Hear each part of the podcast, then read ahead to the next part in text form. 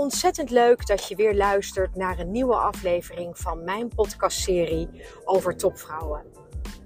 Ik wil het vandaag met je hebben over topsporters. En ik zal zometeen in de episode hierna uitleggen wat mijn relatie is met topsporters. Die is er namelijk niet. Of toch wel? Nou, luister hem graag. Ik ben benieuwd wat je ervan vindt en laat me dat vooral weten. Hier komt hij, de aflevering Topsport.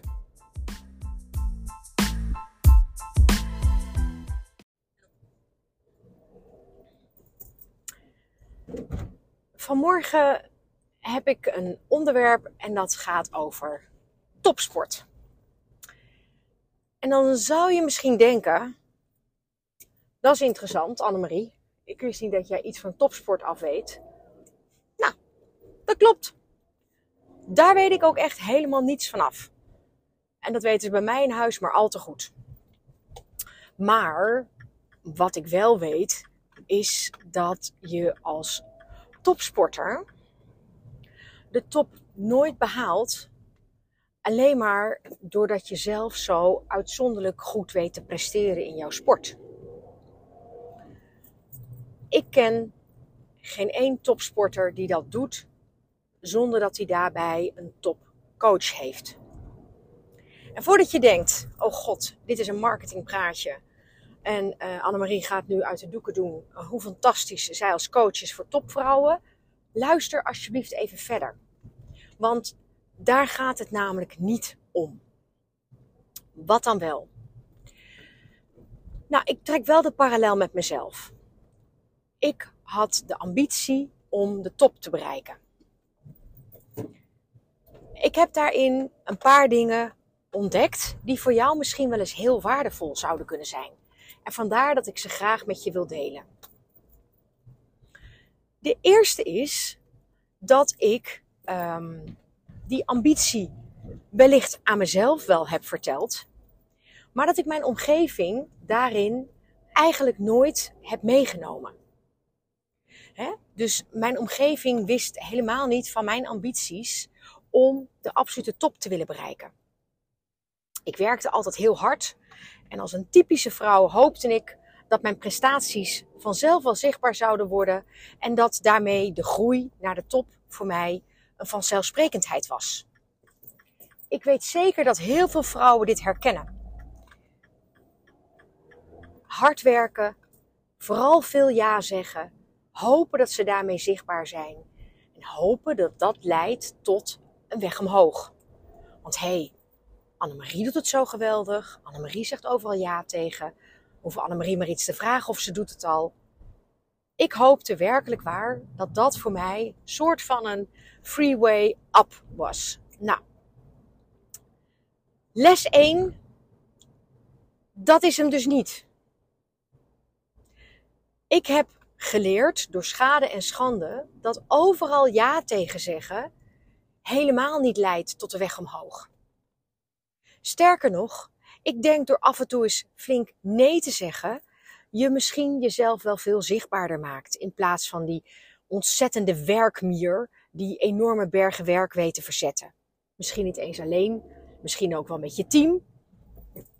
Dus stap 1, zeg vooral niet overal ja tegen. Ik heb je al in een andere podcast uitgelegd hoe je dat goed voelt. En hoe je basis daarvan een goed besluit kunt nemen. Dus daar ga ik nu deze keer helemaal niet op in. Maar pas die regels wel toe. Het tweede is, hè, dus de eerste is, ik heb mijn omgeving nooit meegenomen in mijn ambities. Het tweede is dat ik naast hard werken dacht dat de sleutel tot succes gewoon uit mijzelf moest komen. Ik was er werkelijk van overtuigd dat hulp vragen zwak was. Ik dacht dat om hulp vragen me kwetsbaar zou maken. Ik dacht dat om hulp vragen zou lijken alsof ik incompetent was, de boel niet onder controle zou hebben en dat ik dus niet geschikt was voor mijn huidige, laat staan voor een hogere positie. En waarschijnlijk lach je nu, of waarschijnlijk herken je het volledig. Ik mag hopen dat je je heel hard om kunt lachen Maar ervaring heeft me ondertussen geleerd dat ook hierin ik niet alleen ben. Ik heb geleerd en gemerkt dat heel veel topvrouwen met wie ik samenwerk hieraan lijden. Die denken dat hulpvragen ja, een zwaktebod is. En daarmee trok ik net eigenlijk die parallel met die topsporter. Je kunt niet alles alleen. Wil niet zeggen dat jij niet uitstekend geschikt bent voor je huidige baan. Of mogelijk zelfs een hogere positie. Maar het gaat erom dat je hierbij best wat ondersteuning en begeleiding kunt krijgen. En hoe onafhankelijker die persoon is, hoe beter de ondersteuning ook is daarbij. Want je moet je altijd voorstellen dat als je door een senior vanuit je eigen organisatie begeleid wordt, je daarin je nooit volledig zult durven kwetsbaar op te stellen. Want hé, hey, wellicht dat indirect die persoon ook nog wel over jouw lot beschikt bij een mogelijke volgende positie. Dus je helemaal vrij geven en je helemaal laten gaan daarin, in juist uh, uh, je versnelling, ja, dat zul je waarschijnlijk niet heel snel doen. Dus hoe onafhankelijker jouw hulp is, hoe sneller jij zult groeien. En dit is absoluut een parallel die ik wel uit de topsport haal. En de laatste die ik je graag wilde meegeven, is er ook helaas één uit mijn eigen repertoire. Want toen ik namelijk merkte dat ik echt hulp nodig had, was mijn steile, lijn, uh, mijn steile lijn omhoog, mijn leercurve omhoog, die was afgebroken. Door mezelf uiteraard, maar het was wel gebeurd. Ja, en wat je dan feitelijk alleen nog kan doen, althans dat dacht ik in die tijd, is de scherven plakken en hopen op betere tijden.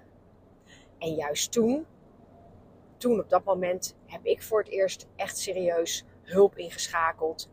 En toen merkte ik hoe ongelooflijk waardevol dat is.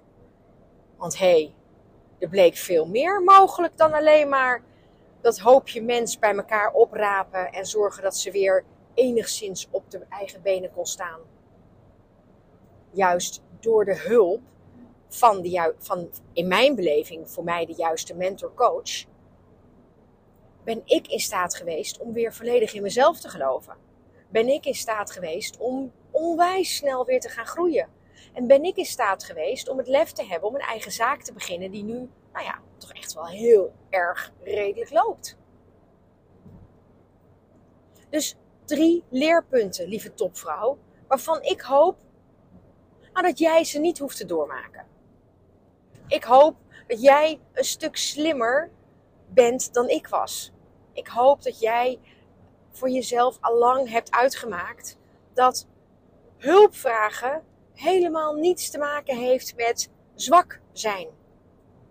Sterker nog, hulpvragen is een ultiem uh, uh, bewijs van krachtig zijn. Ik kan het niet allemaal alleen.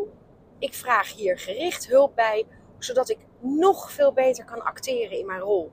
Dat ik nog veel beter kan presteren. En dat ik dus echt veel meer het beste van mezelf kan geven. En hoe mooi is dat nou? Ondertussen weet ik dat ik ook zo'n waardevolle persoon voor een ander topvrouw kan zijn. En mocht jij nou behoefte hebben aan een beetje coaching, niet op topsport, hoewel topvrouw zijn is toch echt behoorlijk topsport. Dus als jij behoefte hebt aan een coach op topsportniveau, nou, dan moet je mij bellen. Want ik heb er namelijk geen balverstand van maar ik weet wel hoe ik jou als topvrouw in je kracht krijg. En ervoor zorg dat je niet verdwaalt als je de weg even kwijt bent. Ik hoop wederom dat ook deze podcast weer heel waardevol voor je was. En laat het me vooral weten. Ik vind het leuk om reacties te krijgen.